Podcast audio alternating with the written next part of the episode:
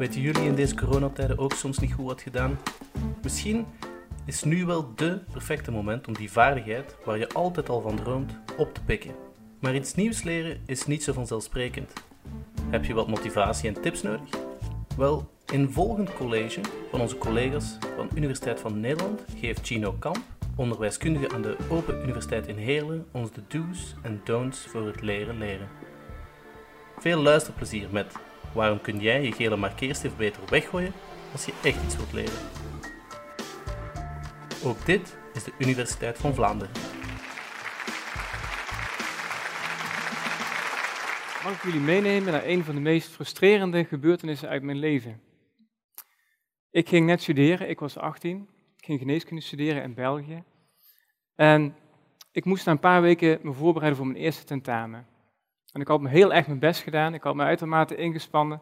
Ik had dagenlang zitten studeren op mijn kot, zoals dat in België heet. En toen de toets er was, dacht ik, ik ben er helemaal klaar voor. Ik ging naar die toets toe. Een aantal weken later hoorde ik dat ik een onvoldoende had gekregen, een dikke onvoldoende. En ik was verbijsterd. Ik snapte er helemaal niks van. Hoe had dat nou kunnen gebeuren? En niet veel later ben ik gestopt met de studie geneeskunde.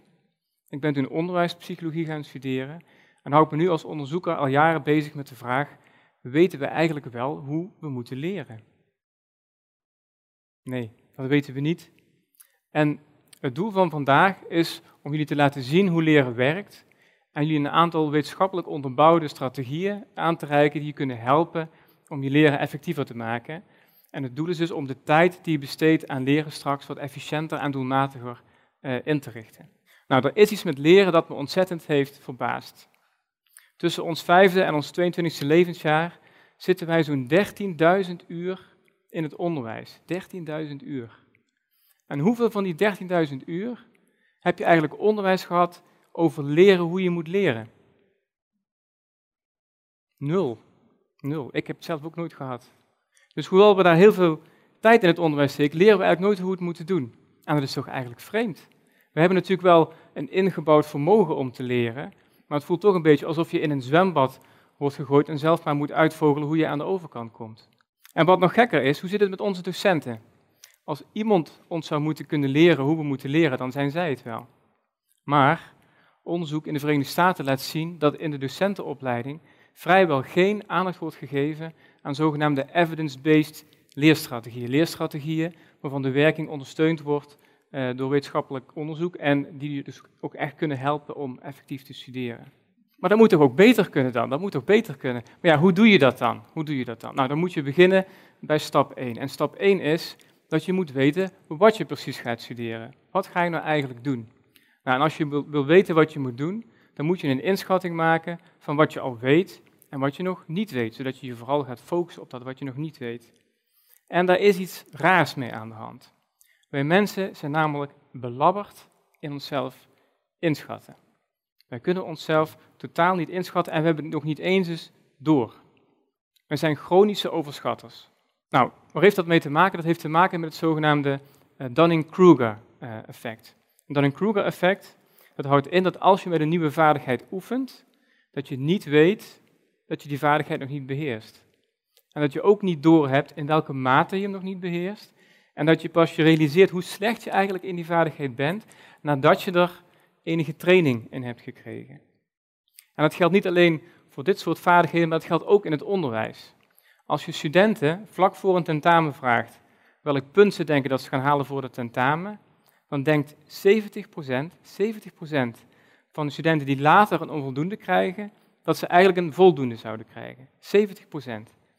En het probleem daarbij is natuurlijk ook dat het juist de zwakkere groepen zijn, de mensen die slecht presteren, die ze ook zoveel moeite hebben om zichzelf goed te kunnen inschatten. Nou, dat klinkt belabberd. Maar gelukkig kunnen we er ook iets aan doen. Uh, ik kan jullie een aantal tips geven. Eén tip is om je oordeel over je eigen leren uit te stellen. Dus als je net een tekst hebt gelezen, ga er niet meteen oordelen hoe goed je die tekst nog hebt onthouden. Probleem is namelijk dat die kennis die in die tekst aanwezig is, dan nog in je korte termijn geheugen zit. Dus dan houd je jezelf in feite voor de gek. Een andere is dat je een soort van generatieve taak gebruikt, een productieve taak, een taak waarbij je iets genereert.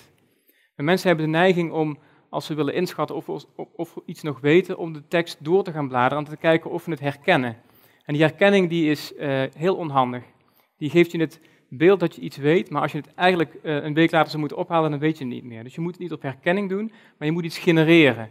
Bedenk bijvoorbeeld kernwoorden over een tekst, of maak een diagram over die tekst. Genereer iets. En door iets te genereren, en door je oordeel uit te stellen, is het bewijs waarop je dat oordeel baseert, is dan uh, beter. Nou, nu weten we wat meer over uh, hoe je jezelf beter kunt inschatten. En nou is de volgende vraag natuurlijk, hoe krijg je dan die kennis efficiënt in je hoofd? Nou, dat is wat ingewikkelder dan het lijkt. Veel van ons hedendaags onderwijs is gebaseerd op de metafoor van de blanke lei, de tabula rasa in het Latijn. En het houdt eigenlijk in dat als je in het onderwijs komt, als leerling of als student, dat je een lege emmer bent en dat die lege emmer wordt gevuld met informatie door je docent. Dat is de basis van ons hedendaags onderwijs. Ondertussen weten we echter dat die metafoor totaal niet klopt. We leren helemaal niet op die manier. Voorkennis is de bouwsteen uh, van leren. Voorkennis geeft betekenis aan nieuwe informatie. En we zijn dus geen lege emmer, uh, maar leren werkt op een heel andere manier. En als wij willen leren, dan moeten wij proberen om aan te sluiten uh, bij onze eigen architectuur van ons geheugen. En dat brengt ons bij de volgende stap, en dat is leerstrategieën. Dan hoor ik jullie al denken, ja, leerstrategieën, dat werkt ook voor iedereen anders.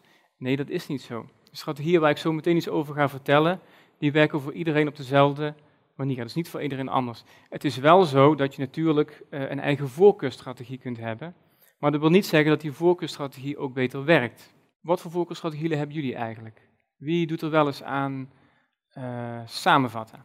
Mag ik handen zien? Ja. Wie uh, arceert er wel eens tekst met een gele marker? Ook toch wel. Wie leest de stof wel eens door? Nog een keer door als je hem één keer heeft gelezen. Bijna allemaal, ja. Nou, laat dat nou net de strategieën zijn die niet effectief zijn. En dit is bizar, hè? dit is bizar. Dus de hele wereld uh, gebruikt deze strategieën intensief. En we weten inmiddels uit wetenschappelijk onderzoek dat die strategieën niet effectief zijn. Heel bizar. Nou, hoe is dat onderzocht? Uh, bijvoorbeeld in het geval van arceren uh, lieten onderzoekers mensen een tekst zelf arceren. Of ze moesten kijken naar de gearceerde tekst die anderen hadden gearceerd. Of helemaal niks, moesten de tekst gewoon zelf doorlezen. En wat bleek? Maakt helemaal niet uit. Of je nou arceert, of je nou iemand anders een gearceerde tekst ziet, of je nou helemaal niks doet, het maakt niet uit. En dat is niet in één studie onderzocht, in meerdere studies met verschillende materialen, verschillende doelgroepen. Consequent komt daaruit dat arceren eigenlijk niks doet. En toch uh, gebruiken we het allemaal. Nou, dan samenvatten. Uh, voor samenvatten, geldt een iets genuanceerder verhaal. Samenvatting is namelijk lastig te onderzoeken. En dat komt uh, omdat er heel veel verschillende verschijningsvormen zijn van samenvattingen. Samenvattingen die kunnen heel erg lang zijn of heel erg kort. Die kunnen over een grote hoeveelheid tekst gaan, over een kleine hoeveelheid tekst. En er zijn vooral ook heel veel verschillen in de kwaliteit van de samenvatting. Samenvatten is een vaardigheid die heel moeilijk te leren is, waar we van nature niet goed in zijn. Je kunt samenvatten wel leren als je daar heel intensieve trainingen krijgt op de middelbare school, maar dat doet natuurlijk lang niet, uh, lang niet iedereen. En daarom wordt samenvatten in het algemeen wel gezien als een minder effectieve strategie. Nou, nu weten we wat niet werkt, maar jullie willen natuurlijk ook vast weten wat werkt dan wel. Nou, welke strategieën uh, zijn wel effectief? Ik ga jullie uh, twee strategieën laten zien die allebei afkomstig zijn uit de geheugenpsychologie, uit laboratoriumonderzoeken. En de eerste strategie is het spreiden van leermomenten versus het stampen van leren. En ik wil het eigenlijk uitleggen aan de hand van een lab-experiment, zoals dat in de psychologie gebruikelijk uh, is dat wordt gedaan. Dus ik neem jullie even mee naar een lab. Stel je voor, uh, je gaat een, psychologisch lab in, een beetje donkere kamer, computerscherm, en op dat computerscherm verschijnen allemaal woordjes. En die woordjes die worden herhaald. Bijvoorbeeld stoepkrijt, knoflook, stoplicht, piano. In het echt zijn natuurlijk veel meer woordjes, maar dit is even als voorbeeld. Die woordjes kun je natuurlijk op verschillende manieren gaan oefenen. Eén manier om ze te oefenen is door ze te groeperen. Drie keer stoepkrijt, drie keer knoflook, drie keer stoplicht en drie keer piano. Een andere manier is om de oefening van die woordjes te spreiden. Dus stoepkrijt, drie andere woordjes, dan weer stoepkrijt, weer drie andere woordjes, stoepkrijt, etc. Het interessante aan uh, uh, dit verhaal is dat het aantal herhalingen per woordje precies hetzelfde is. Allem, allemaal drie. De totale tijd die je bezig bent om dit te doen, is precies hetzelfde in allebei de condities. Dan zou het toch eigenlijk niet uit moeten maken uh, voor hoeveel je van die woorden kunt onthouden, maar dat doet het wel. De spreidenstrategie, dus de rechterkant, die werkt beter. Dus het advies is, als je zelf gaat studeren, om ook je leermomenten te spreiden. Als je een hoofdstuk hebt gelezen, ga er niet meteen met dat hoofdstuk oefenen. Wacht even, spreid de leermomenten over de tijd, dan onthoud je het ook beter en ook beter voor de lange termijn. De volgende strategie die ik uh, wil bespreken, dat is uh, jezelf toetsen. Toetsen hebben, altijd, toetsen hebben altijd een beetje een negatieve bijsmaak, maar in dit geval gaat het om toetsen als leerstrategie. Toetsen als, om, om je te helpen om te leren. Stel bijvoorbeeld dat je uh, woordparen moet leren. Woordparen die niet aan elkaar gerelateerd zijn, zoals stoel, hond en boomkapper. Die moet je proberen te onthouden en in de tussentijd ga je daarmee oefenen. Je doet bijvoorbeeld drie oefeningen. En die oefeningen kun je weer op verschillende manieren doen. Je kunt, wat we eigenlijk allemaal in de praktijk vaak doen, het nog een keer doorlezen. Oftewel, de woorden nog een keer laten zien, de woordparen nog een keer laten zien. Wat je ook kunt doen, is uh, niet de woorden nog een keer laten zien, maar één van de twee woorden laten zien en dan het andere woord proberen op te halen uit je geheugen. En dat is wat in die uh, experimenten gebeurt en dat is ook essentieel, het ophalen uit je geheugen. En wat je in de experimenten ziet, is dat als je die uh, woorden ophaalt uit je geheugen, dat je ze dan veel beter onthoudt dan als je ze nog een keer doorleest. Dus als je straks gaat studeren en je moet een bepaald hoofdstuk uh, moet je, proberen tot je te nemen, ga jezelf dan toetsen. Vraag je af wat in dat hoofdstuk stond. Ga niet nog eens doorlezen, maar ga jezelf eerst toetsen. En als je dan iets nog niet weet, of iets nog even niet weet, zoek het dan even op en probeer het dan later jezelf nog een keer te toetsen. Dat is eigenlijk de beste manier om dat te doen. Dus spreiden van leermomenten en uh, jezelf toetsen. Een punt wat ik wil maken is, um, het lijkt misschien, je zegt van nou, als ik, als ik deze strategie gebruik, dan ben ik klaar, dan gaat het gemakkelijk. Dat is niet helemaal zo. Waarom? Effectieve strategieën kosten ook moeite. Jezelf inschatten, je oordeel uitstellen, iets genereren, dat kost moeite. Um, dingen ophalen uit je geheugen, jezelf toetsen, dat kost moeite. En misschien is dat wel de reden waarom die strategieën niet zo vaak gebruiken. Maar het is wel essentieel dat je realiseert dat je actief moet zijn met die stof, dat je actief met de stof moet bezig zijn en dat je dus dingen moet ophalen en, en moet produceren. En dat dat de meest effectieve manier is uh, om het te onthouden. Nou, weten we nu uh, hoe we moeten studeren? Als ik terugdenk uh, aan mijn tijd in België, dan denk ik, als ik toen wist wat ik nu wist, dan had ik het misschien wat beter gedaan, had ik me niet zo gefrustreerd gevoeld destijds. En ik hoop dat ik met dit college jullie wat meer bewust heb gemaakt van hoe leren eigenlijk werkt. En wat effectieve strategieën heb kunnen laten zien die je kunt gebruiken in je eigen praktijk. Dus ik zou zeggen, weg met die gele marker en heel veel succes met je volgende tentamen.